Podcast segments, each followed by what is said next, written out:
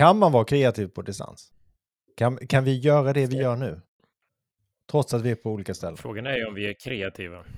Ja, det är ju upp till någon annan att bedöma. Men eh, skapar vi någonting som inte har funnits tidigare? Ja, i just den här formen tror jag ingenting har funnits det som vi håller på att beta på nu. Eh, en digital whiteboard. Ja, vi får väl se vad vi kommer fram till.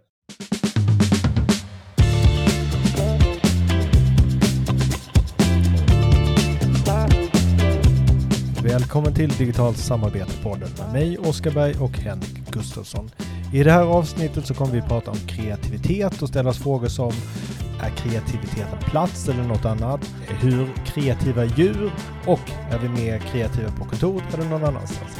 Men mycket mer än så kommer jag inte att introducera utan vi kör igång helt enkelt. Återigen, välkommen!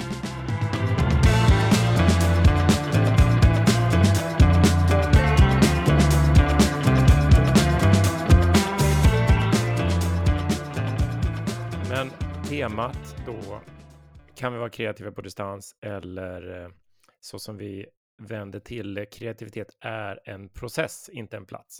Det är ju lite vad det kommer handla om idag. Ja. Yeah. Och anledningen till den lite konstiga inledningen här var ju att eh, vi ställde frågan till ChatGPT alldeles, alldeles nyss. Eh, mm. Om det här stämmer eller inte. Den menar ju det. Ja, ja den säger att vi ja, har Kan rätt. vi vara kreativa tillsammans trots att de inte befinner sig på samma, trots att man inte befinner sig på samma fysiska plats? Ja, säger den. Medarbetare kan absolut vara kreativa tillsammans, även om de inte befinner sig på samma fysiska plats. Så att eh, då är vi klara med dagens avsnitt. Ja, men tack för idag, Oskar. Ja, tack. Okej, vi... Eller ska vi fördjupa det lite? Ska vi... Alltså, jag har faktiskt sett fram emot det här och, och gå lite djupare kring det kreativa än uh, vad vi haft möjlighet att göra i tidigare avsnitt.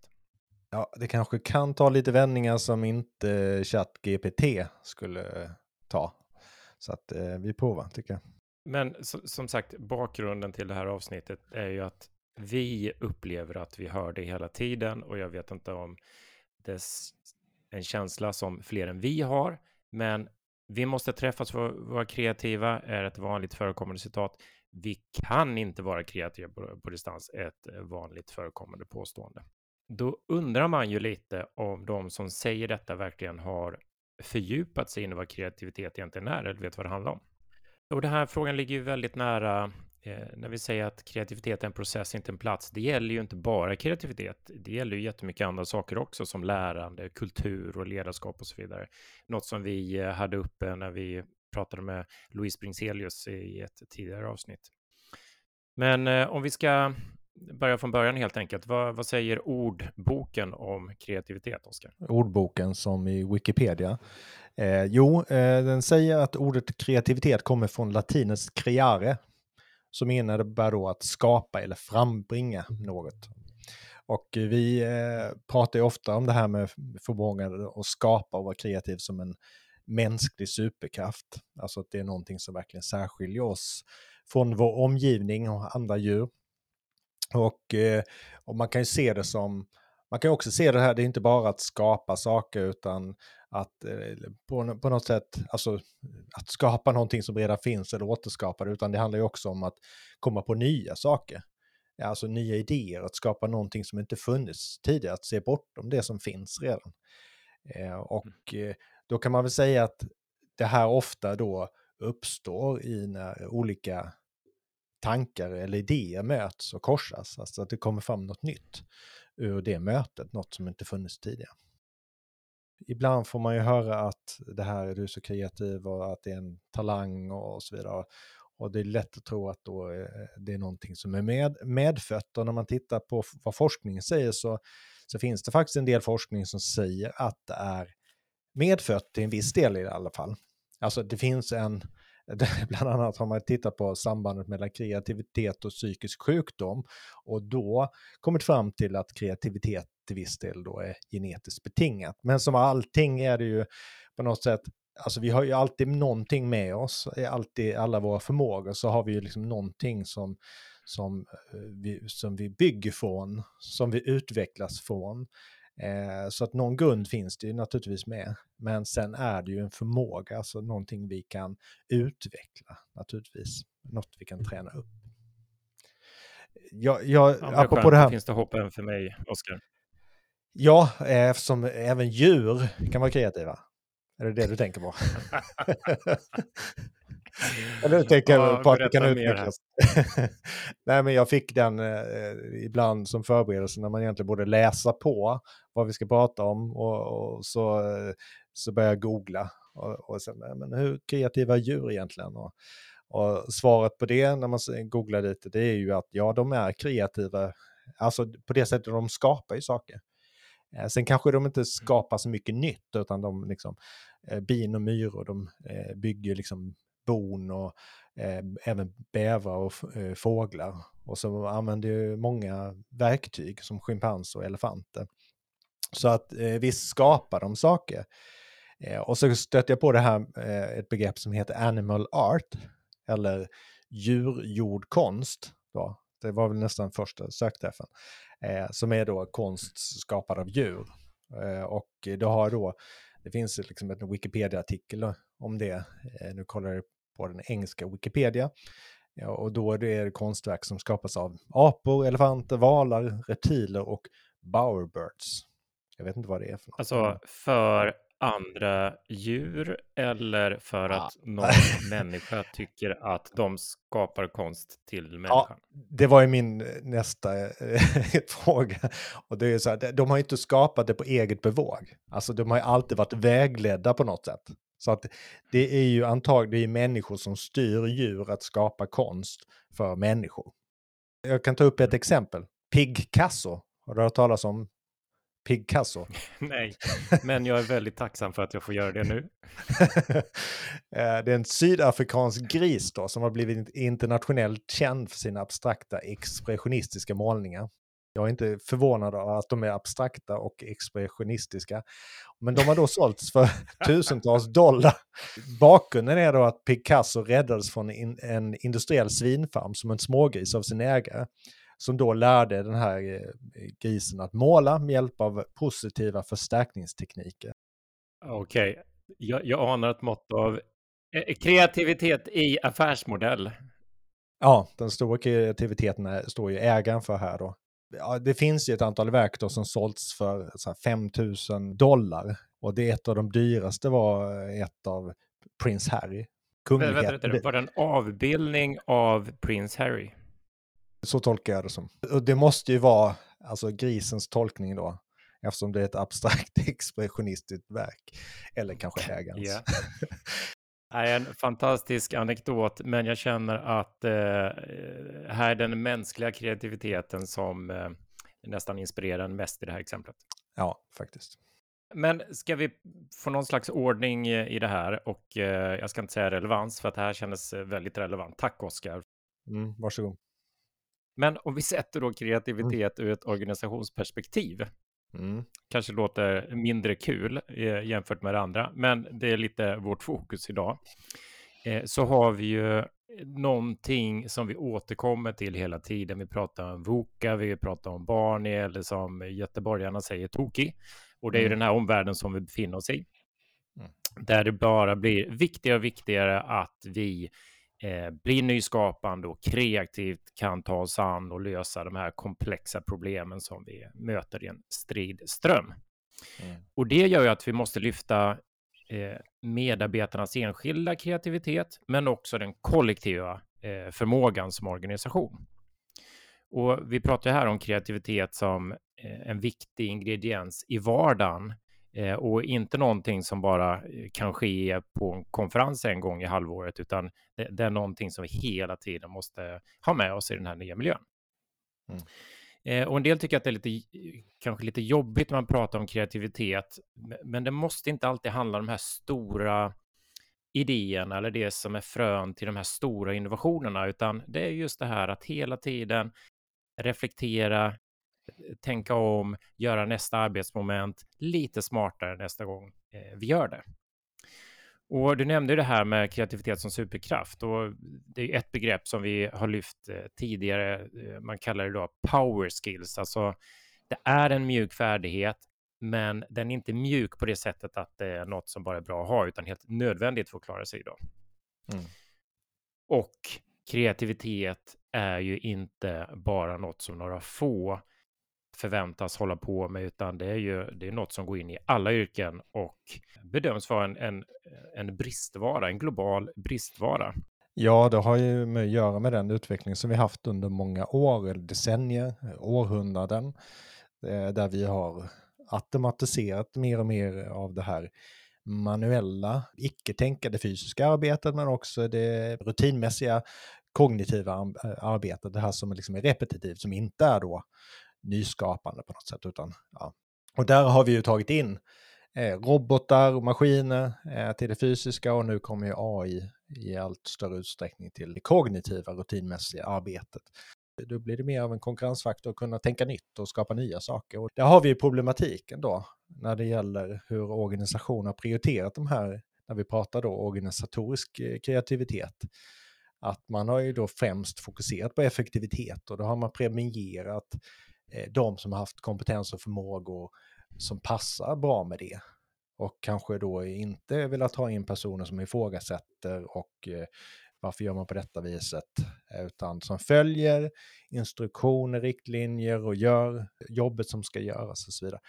För att kunna producera effektivare. Men då har man ju också gradvis tappat en hel del kreativ förmåga som man måste haft från början en annan dimension i det här tänkte jag med kreativitet och i, en organisation. Det handlar inte bara om individuell kreativitet, att jag ska vara kreativ, utan i många fall så handlar det om att vara kreativa tillsammans, att lösa problem tillsammans, två eller fler individer.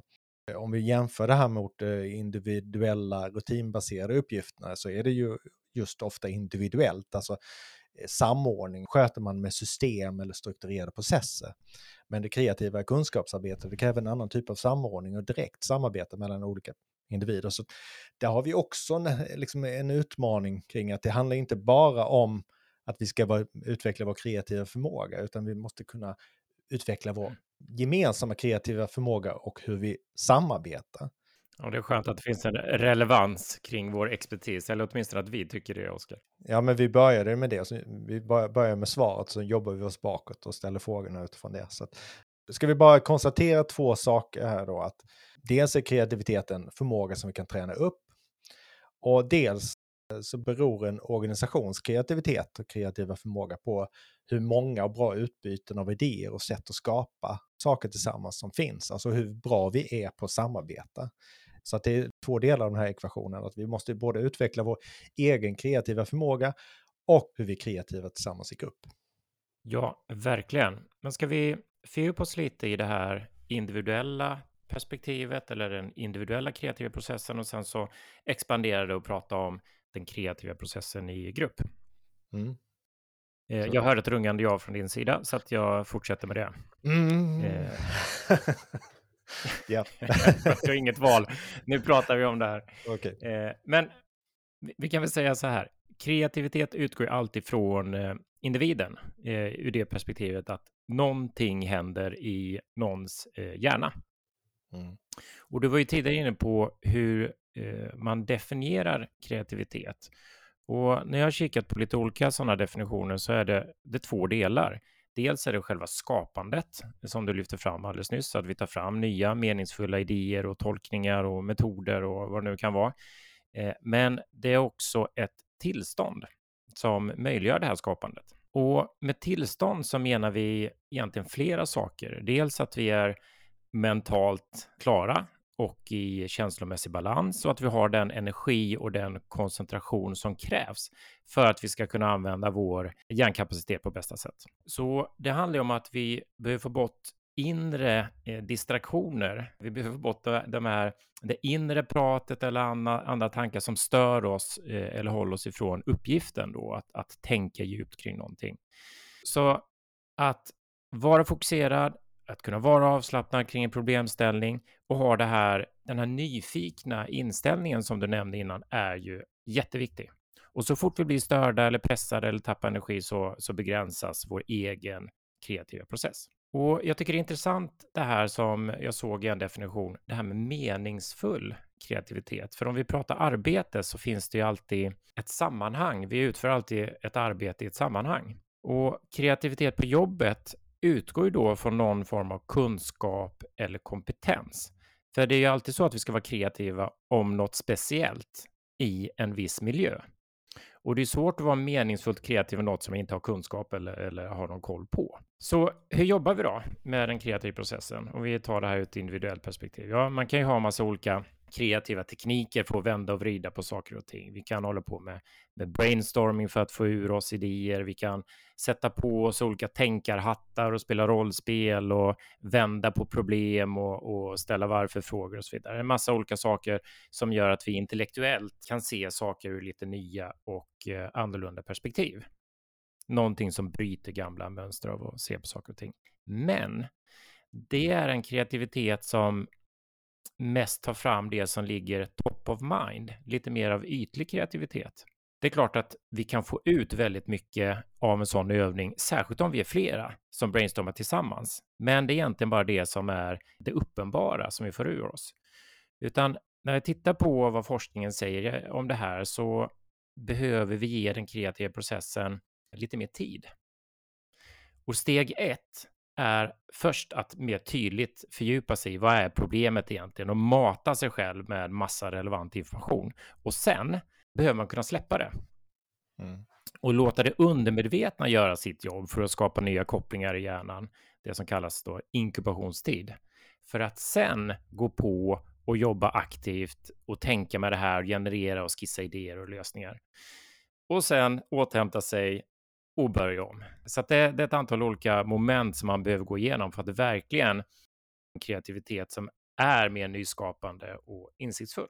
Där tänker jag på en sak som man ofta glömmer bort, men jag tror man, eh, många associerar det här med kreativa, det är liksom själva skapande, alltså brainstorming-momentet mm. eller vad det nu är, liksom när man sitter. Men jag lyssnade på en podd häromdagen, eh, Smartless, eh, som jag lyssnar på ibland, en amerikansk podd, där James Cameron, regissören, var gäst och då pratade de om hans process bland annat. Väldigt intressant att lyssna på, eh, jag rekommenderar det. Men han, eh, det var speciellt en sak som eh, fastnade, tyckte jag, eller för mig, hos mig, det är när de pratar om liksom, vad jobbar du liksom bäst? Eller vad tänker du bäst? Och då svarar han i planes, walks and dreams. This is where I work the best. Alltså han ser också det som ett arbete. Det är liksom där det händer saker flera saker i hans filmer har varit saker han vaknar med på morgonen efter en dröm. Och sen har han liksom haft med sig dem, så till, till exempel det här trädet i Avatar, det var någonting som han drömde fram när han var 19 år och, och illustrerade. Och sen har han haft med sig det. Mm. Ja, men det är ju superintressant, för det är ju det här med att man måste låta hjärnan och framförallt eh, det kraft, vårt kraftfulla undermedvetna att göra sitt jobb. Och det gör det bara om vi tillåter oss det, om vi tar pauser, om vi slappnar av. Det finns ett begrepp som heter spacing, att vi, vi ger utrymme för att låta saker och ting sjunka in och att vi tar oss tid och reflekterar, kanske under promenader, för att vi ska få de här djupa insikterna och de här sammankopplingarna i hjärnan. Men om vi tittar på gruppen då. Nu har vi pratat lite om förutsättningar för individen. Som du var inne på, Oskar, så är det ju väldigt, väldigt viktigt att vi kombinerar vår erfarenhet och vår kompetens för att möta de svåra och komplexa problemen som vi har att göra med på jobbet. Och det är ju när vi träffar andra som vi kan få nya oväntade infallsvinklar och, och bygga vidare och på och kombinera varandras idéer, vilket är väldigt kraftfullt. Och när vi ska vara kreativa tillsammans så är ju fortfarande respektive individs tillstånd, det här mentala tillståndet jätteviktigt. Vad tar jag med mig när jag går in i samarbetet? Är jag samarbetsorienterad? Är jag samlad och fokuserad? Och även vill jag och vågar jag öppna upp mig tillsammans eh, för de andra? För det är ju en jätte, jätteviktig aspekt för att, att vara kreativ, att generera och släppa ifrån sig idéer. Eh, det handlar om att ge uttryck för något som inte är så genomtänkt. Eh, saker som är ganska ofärdigt. Och om jag inte har så stort självförtroende i det, utan upplever mig som ganska dålig eller en bluff, då blir det här väldigt svårt. Eller att jag upplever att jag är i en miljö som inte känns trygg. Eh, jag kan få skit tillbaka för mina idéer, att någon garvar åt mig eller eh, förlöjligar mig och då, då låser sig ju hela den här kreativa processen såklart. Får jag stoppa upp det här lite för att så här vi säger att i mötet med andra. Men om vi vänder på det, är det inte i mötet med andras idéer som där händer. Jag vill träffa någon så får vi höra någonting. Men det kan lika gärna vara en film eller en bok eller, mm. eller någon som skriver något på LinkedIn eller någon annanstans. Så det är ju vad de kommunicerar för någonting. Eh, idéerna eh, eller information, kunskap, erfarenheter. Och traditionellt sett har det gått via att vi träffar någon som berättar om det.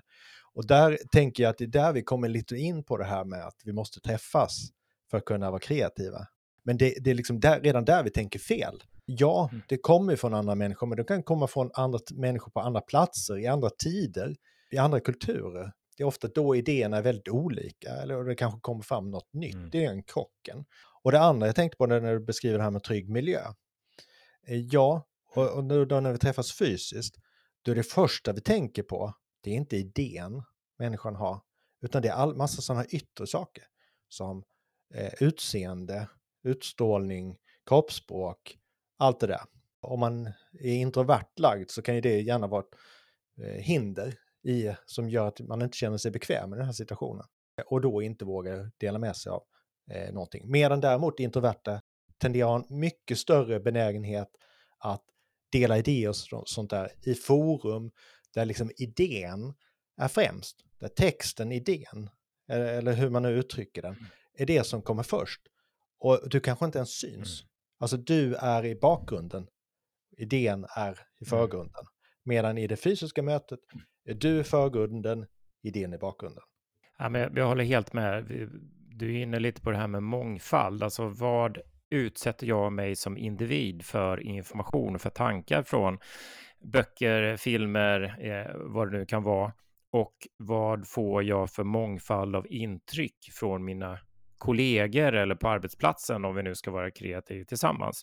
Jag kanske mm. inte får någon stimulans alls för att det är ett grupptänkande där alla tänker exakt likadant på de här mötena, så då blir det inte särskilt kreativt, även om det är en trygg eh, miljö.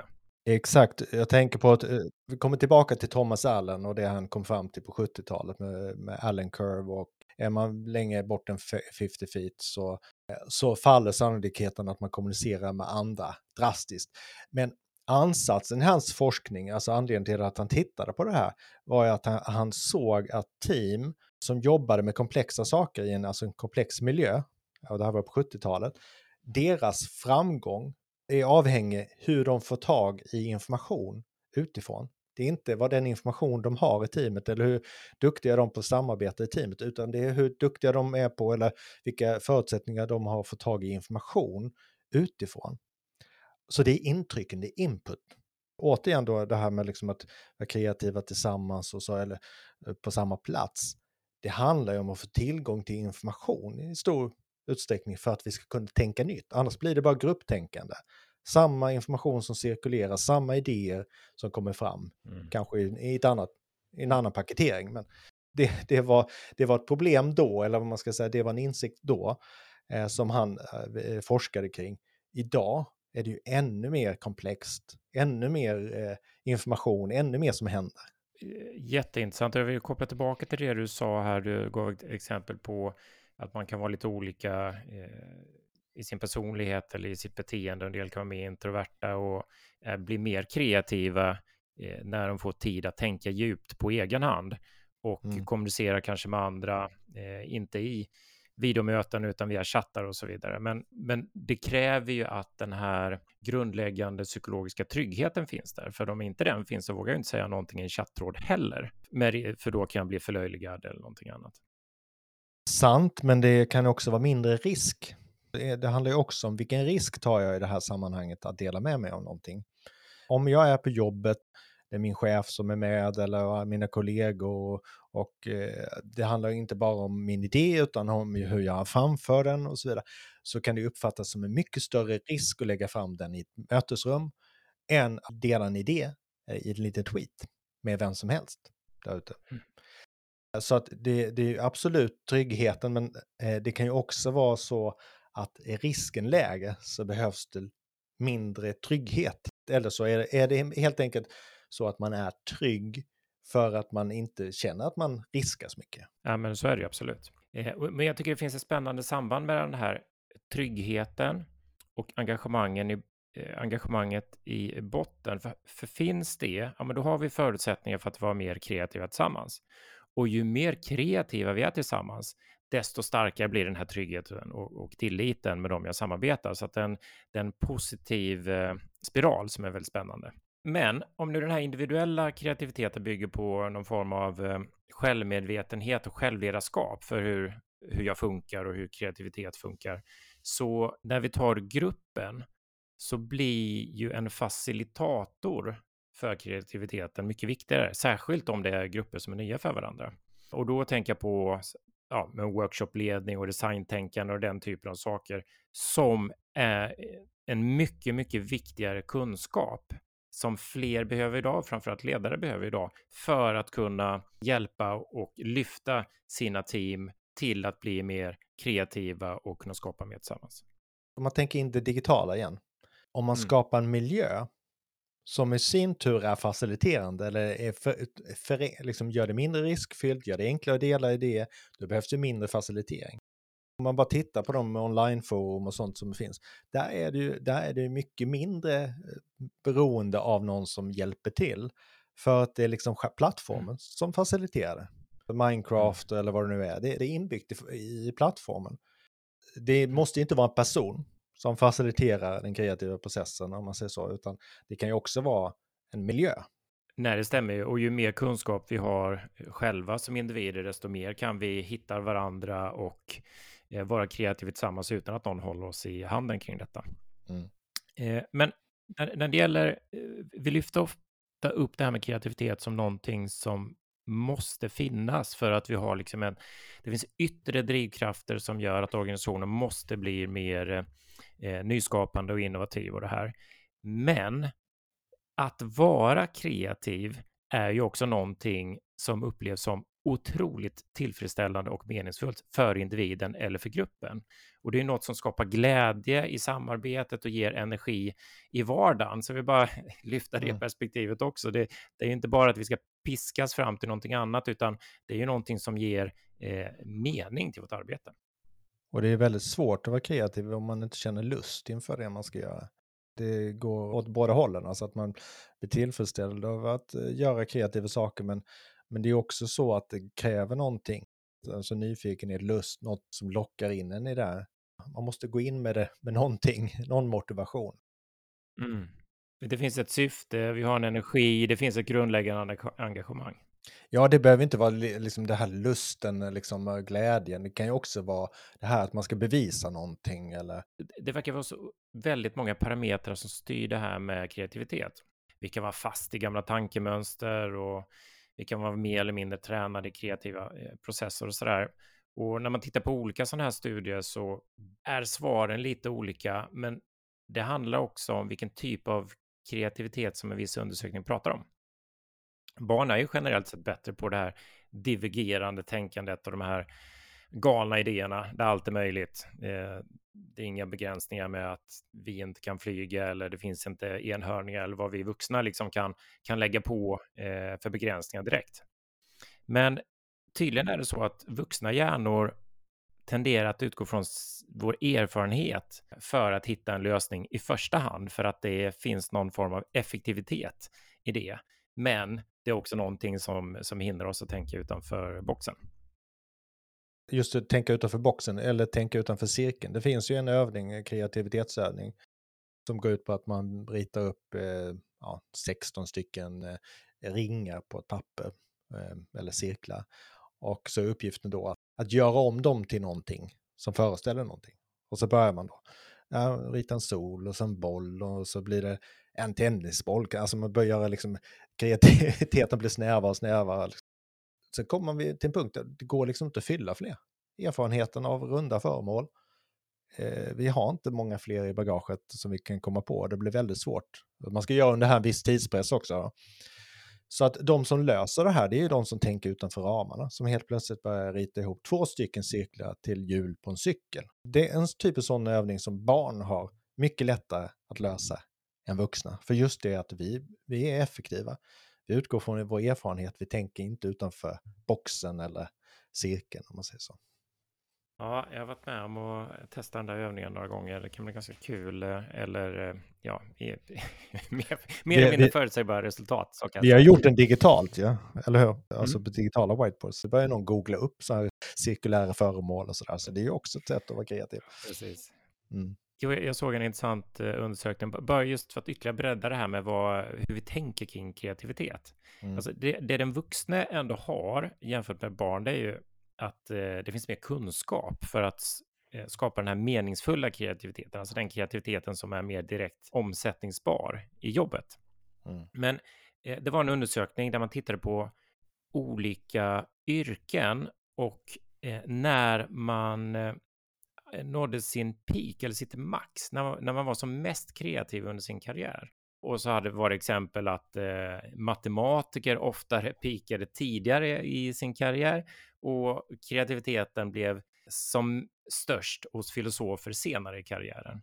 Mm. Och man tittade på olika typer av konstnärer där så kallade konceptkonstnärer som är lite mer så att säga, målstyrda i sitt arbete var mer kreativa tidigare i sin karriär jämfört med experimentella konstnärer, alltså mer utforskande konstnärer som pikade senare i livet. Så att, När pikade Picasso? Tidigare. ja. Just det. Ja, det är bra ja, kreativitet och plats, ska vi säga någonting om det? För att det, det känns ju ändå som att... Eh, ja, det är väl viktigt att landa. Eftersom det ändå är frågan vi ställer här. Just det här med att när folk säger att man inte kan vara kreativ om man inte är på samma plats. Och det är nästan som att platsen är det som är det kreativa. Slänger man in ett antal personer på en plats så uppstår det en massa kreativa saker bara för att. Men apropå det här med att tänka utanför boxen vad har vi då för kreativ förmåga i en organisation? Ja, det är bara de som samlas på samma plats. I en stor organisation så måste ju kreativiteten kunna skala. Alltså att vi kan ju inte samla praktiskt sett alla kreativa människor, alla idéer, all information på samma ställe. För det finns, den är utspridd. Och i praktiken är det ju inte så att man bara är kreativ på en plats och sen inte delar med sig av det här eller tar in information eller idéer från någon, annan, någon annanstans ifrån. Utan det har vi ju alltid gjort på något sätt. Och idag använder vi ju kommunikationsteknik för det här. Platsen kan förhöja, den kan förenkla delar av kreativa processer, men om vi låter den begränsa oss, ja då, då har vi målat in oss i ett hörn. Det är som om man inte ser den här möjligheten, för man är så van vid platsen eller ska säga, geografins eh, fysiska begränsningar. Eh, när jag tänker efter, jag har inte sett någon rapport på det, men om jag bara utgår från min egen erfarenhet som konsult och har sett många organisationer de senaste åren, så kan jag inte komma på någon som riktigt utnyttjar det här med nätverkande och idédelande tvärs över verksamheten via digitala plattformar. Det kanske finns plattformar för socialt nätverkande, men jag kan inte komma på någon som jobbar riktigt proaktivt och bra med det. Nej. Eh, jag kan komma på organisationer som jobbar med innovationspipelines och processer för att ta idéer till prototyper och som sen landar i nya metoder eller, eller produkter och tjänster och så vidare. Men när det gäller liksom att maximera det som kommer in i pipen eh, så finns det ju väldigt mycket mer att göra. Det kan vi inte bara ha några chefer eller några på forsknings och utvecklingsenheten som håller på, utan där vill vi engagera och utnyttja den här samlade kreativiteten i verksamheten. Och där kan man ju verkligen undra varför det inte hänt mer, för vi såg ju det här för 15 år sedan någonstans där, eller mer, när det hände i sociala medier, att eh, med bloggar och sociala nätverk, att där sker det ju och frodas som aldrig förr samarbeten och man delar information och inspireras och kan plocka upp idéer från vad som helst och, och, och samarbeta kring det oavsett var man befinner sig i världen och man behöver inte känna varandra tidigare eller ens känna varandra efter den här processen. Men så fort det här kommer in på företag så är det som att det är en annan värld, att mm. det liksom inte funkar där. Det är nog mycket av de här strukturerna som finns och incitamentsmodeller och, och konkurrens. Eh, liksom, jag menar, i sociala medier så är man kanske drivs med en passion, intresse, man känner inte den här konkurrensen eller så blir man triggad av den. Men i en organisation finns det ju ofta liksom karriärvägar och det finns inte, alla kan inte klättra och, och det finns en konkurrenssituation.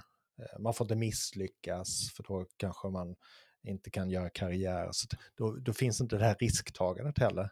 Man vill inte dela med sig av någonting för då kanske någon annan kan ta den idén eller den informationen. Så miljön är ju liksom inte optimal för innovation, ironiskt nog. Då.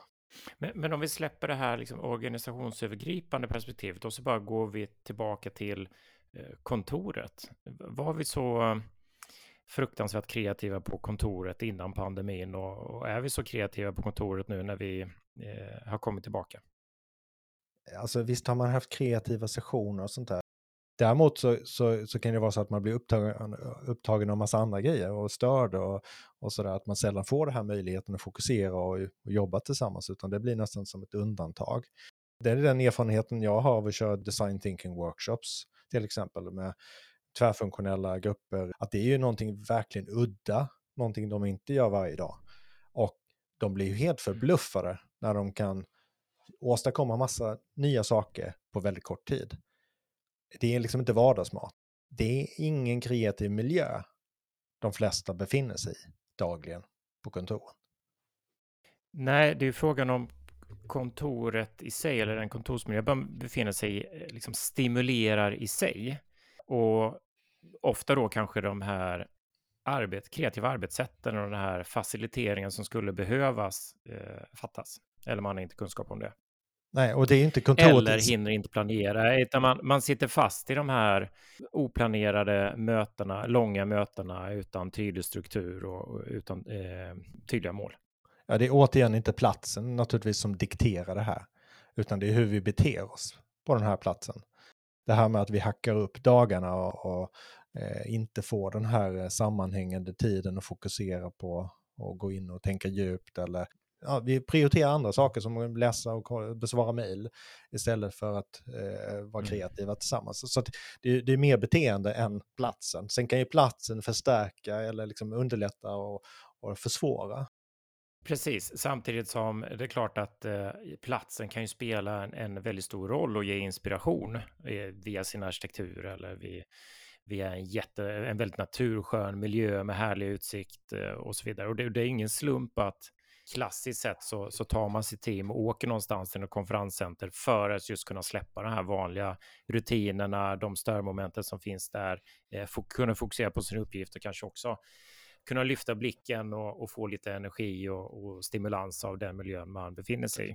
Absolut. Platsen är ju viktig naturligtvis. Kan, nej, platsen kan vara viktig. Mm. Det är inget deterministiskt att bara för att du är på en viss plats så blir du kreativ. Mm. Utan det är massa saker som spelar roll. Så mm. vi måste tänka hur vi skapar förutsättningar för att eh, vara kreativa och hur vilket mindset vi går in i, i saker och ting med. Ja, men exakt. Så att vi kan inte, vår kreativitet kommer inte bara spruta ur oss för att vi tar ett steg in på kontoret eller för att vi blir inslängda i ett eh, digitalt möte heller för den delen, utan det är ju de här processerna som vi varit inne på och förutsättningarna som, som avgör. Nej, snarare kan den ju dö direkt. När man kliver innanför ett steg innanför entrén eller ett, eh, det slår på viden i mötet. Nej, men det, det, det, är ju, det beror på, som vi brukar säga. Apropå det här med ChatGPT, jag ställde frågan här då om man är mer kreativ på ett kontor än någon annanstans. Som AI-språkmodell har jag faktiskt inget fysiskt kontor, så jag kan inte säga säkert om jag är mer kreativ på ett kontor eller någon annanstans. Det var trevligt att börja med sig själv. Men i allmänhet huruvida någon är mer kreativ på ett kontor än någon annanstans kan bero på en mängd olika faktorer, inklusive deras individuella arbetsstil och preferenser, arten av arbete de utför och den specifika miljön de befinner sig i. För vissa människor så kan det vara i en kontorsmiljö där det finns struktur och rutin. Det kan hjälpa dem att känna sig mer produktiva och fokuserade och det kan i sin tur leda till att de tänker mer kreativt. Och andra kanske då upptäcker att, eh, att vara mer i en avslappnad eller flexibel miljö, ett café eller en park, då kan göra att de tänker mer kreativt och kommer på nya idéer. Och ChatGPT eh, konstaterar att i slutändan är det upp till varje individ att experimentera och hitta vad som fungerar bäst för dem när det gäller att främja sin egen kreativitet oavsett om det är på ett kontor eller någon annanstans. Och där kan man väl lägga till att utmaningen här, det är inte bara att hitta det som funkar bäst för en själv, utan det som funkar så bra som möjligt för dem jag ska arbeta med. Och i en mer flexibel värld så kan det ju faktiskt vara så att man kan välja den miljö som är bäst för mig. Och du kan välja den miljö som är bäst för dig. Nej, jag kan fördjupa vad eh, ChatGPT, det var väldigt mycket fokus på det nu, svarar på den här inledande frågan som jag ställde där om medarbetare kan vara kreativa tillsammans trots att de inte befinner sig på samma fysiska plats. Den svarade eh, ja på den frågan, men sen lite längre ner i texten står det så här, Faktum är att virtuella samarbeten ofta kan leda till ökad kreativitet eftersom det kan erbjuda nya sätt att tänka och arbeta. Apropå både vad vi är och, och hur vi gör saker och ting. Eh, ett exempel är när medarbetare från olika delar av världen och med olika perspektiv och bakgrunder samarbetar för att lösa problem eller skapa nya idéer, vilket kan öka mångfalden och bredden av perspektiv. Och här kan man ju tänka att en eh, del i det här är att ta sig ur befintliga mönster, alltså vanor och utsätta sig för nya impulser. Att inte gå alltid på höger sida om vägen, utan prova på att gå på vänster sida ibland. Och då är det snarare det vi ska utsätta oss för. Att på olika sätt bryta mönster. Om vi ser samma kontor och, och samma människor varje dag, då blir det väldigt beroende på idéerna och informationen vi får in. Kan vi spela med platsen och människorna och informationen, då borde det ju kunna vara större förutsättningar för att vara kreativ. Jag tänkte bara för att bredda ytterligare det här diskussionen om ses eller träffas på en fysisk plats eller om det är den mm. digitala arbetsplatsen som är, som är det som möjliggör att vi, vi träffas och kan samarbeta, så lanserar vi ju ett begrepp som jag tror vi hittat på själva, jag har inte sett det någon annanstans, men det här med upplevd närhet mm. eh, i eh, vår senaste bok. Ja. För vi kan ju ha upplevelsen av att vara nära varandra, trots att vi jobbar på distans, för att vi är ett tajt team med bra relationer, för att vi har eh, lämpliga kommunikations och samarbetsverktyg som vi vet att vi ska använda. Och samtidigt då kan vi ha ett annat team som sitter i samma rum. Men ingen gillar den andra eller vill samarbeta och då upplever de ju såklart inte att de är nära varandra. Och förutsättningen för kreativitet är ju sämre i detta teamet än i det andra teamet. Mm. Det är ju stort fokus på hybrida möten just nu och hur man lyckas med dem. Och det har vi varit inne nu på. Ja, vi måste ju facilitera processen och vi måste ha ett bra samarbetsklimat och så här. Men vi kanske ska nämna en, en annan jätteviktig del för att det ska lyckas. Och det är att vi behöver en gemensam digital arbetsyta. Mm. Det funkar ju inte att eh, någon, några i något rum kladdar på en fysisk whiteboard där eller några i ett, i ett annat rum i samma möte eh, tisslar och tasslar om sitt, utan vi måste ju liksom kunna styra vårt fokus, eh, våra idéer, eh, vår information Eh, på någonstans eh, på någon form av gemensam arbetsyta. Och då är ju en digital whiteboard eh, en jättebra möjlighet att göra det för att få saker ur, vårt hu ur våra huvuden, för att objektivt kunna titta på vad vi tar fram och väldigt eh, fritt kunna göra brainstorms kring olika ämnen. Eller för den delen att vi, vi styr upp en, en kreativ process på whiteboarden där vi går från problem och behov till olika eh, alternativa lösningar. Mm. Men när det gäller just den här typen av whiteboards så upplever jag, nu är det också utifrån mitt perspektiv i de organisationer jag ser och där jag är, att det används väldigt lite. Och i den mån som det används så är det bara för relativt enkla moment. Man jobbar inte så strukturerat med de här ytorna. Och, och, när det används så används det under möten och inte som ett sätt att hålla ihop samarbete och kreativa processer mellan möten. Så att där tror jag det finns eh, en jättestor potential för de flesta att eh, jobba mer aktivt med sådana lösningar. Och där är vi ju inne på det här med digital plattform igen. Alltså den här miljön som faciliterar Eh, process, kreativ processen som kanske stimulerar till den. Och att, att sitta i mejlen, eh, det är kanske inte där man går direkt från idé till handling och börjar skissa på någonting. Det, det har en fördel med whiteboard. Och det kommer ju direkt från det fysiska mötesrummen. Så det, det borde vara lätt att översätta den tycker jag. Att ja, men om vi har en digital variant som dessutom inte har de begränsningar som det fysiska så kan vi vara ännu mer kreativa och vi kan låta det stå kvar när vi lämnar rummet och, och jobba på det lite då och då. Alltså hela, alla de möjligheterna borde vi kunna se. Men jag tänker också på det här med upplevd närhet som du tar upp. Där. Det här handlar ju om då att vi har en plats att samlas på och samla våra idéer och sånt på. Vilket innebär att vi kan vara nära varandra hela tiden, eller våra idéer och den information vi delar. Det här med metaverse som det pratas mycket om, det handlar ju om ännu mer upplevd närhet. Eh, det finns ju liknelser som vi har tagit upp också tidigare som barnen sitter med. Roblox och Sims och, och Minecraft, alltså världar där man, där man är väldigt kreativa och där liksom plattformen skapar en närhet och dessutom då uppmuntrar till kreativitet på olika sätt. Så att möjligheterna är jättestora att skapa de här digitala kreativa plattformarna. Men det vi ser, som du också lyfter fram här, vi ser ju inte alls någon anammande av det här i någon större skala, inte ens digitala whiteboards. Och det jag borde göra en lite orolig för den kreativa förmågan i många organisationer, att man inte använder de möjligheter som finns eller ens förstår dem, utan kanske till och med resonerar som en del gör då att ska vi vara kreativa så måste vi gå tillbaka till kontoren. Ska vi åka snabbare så kan vi inte använda den här bilen som står här bredvid. Vi måste gå och hitta hästen, koppla på vagnen. Vad händer då?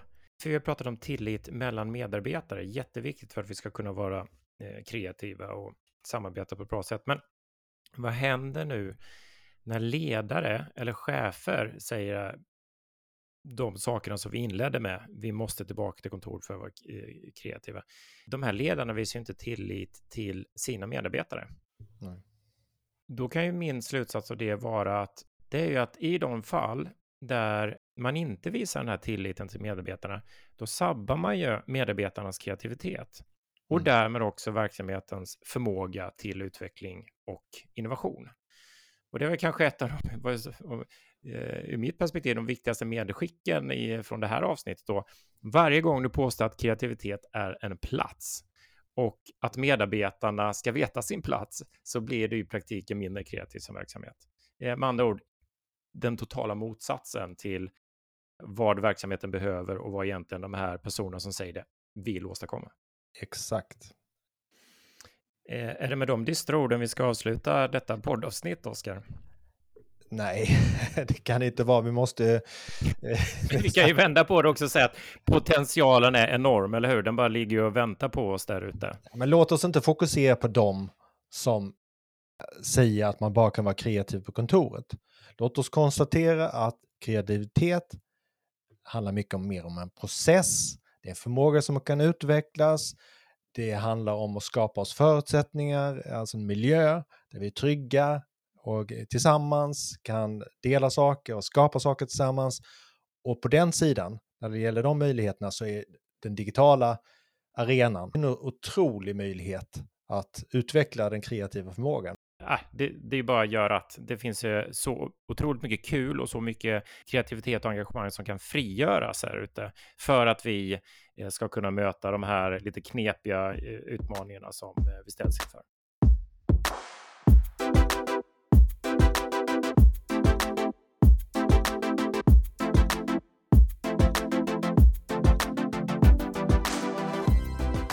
Ja, det fick avrunda vår lilla diskussion om kreativitet. I nästa avsnitt så kommer vi prata om hybridarbetet och vår undersökning kring hur mogna vi är, svenska företag och organisationer, när det gäller hybridarbete och dela lite insikter kring den undersökningen. Tack för att du lyssnade.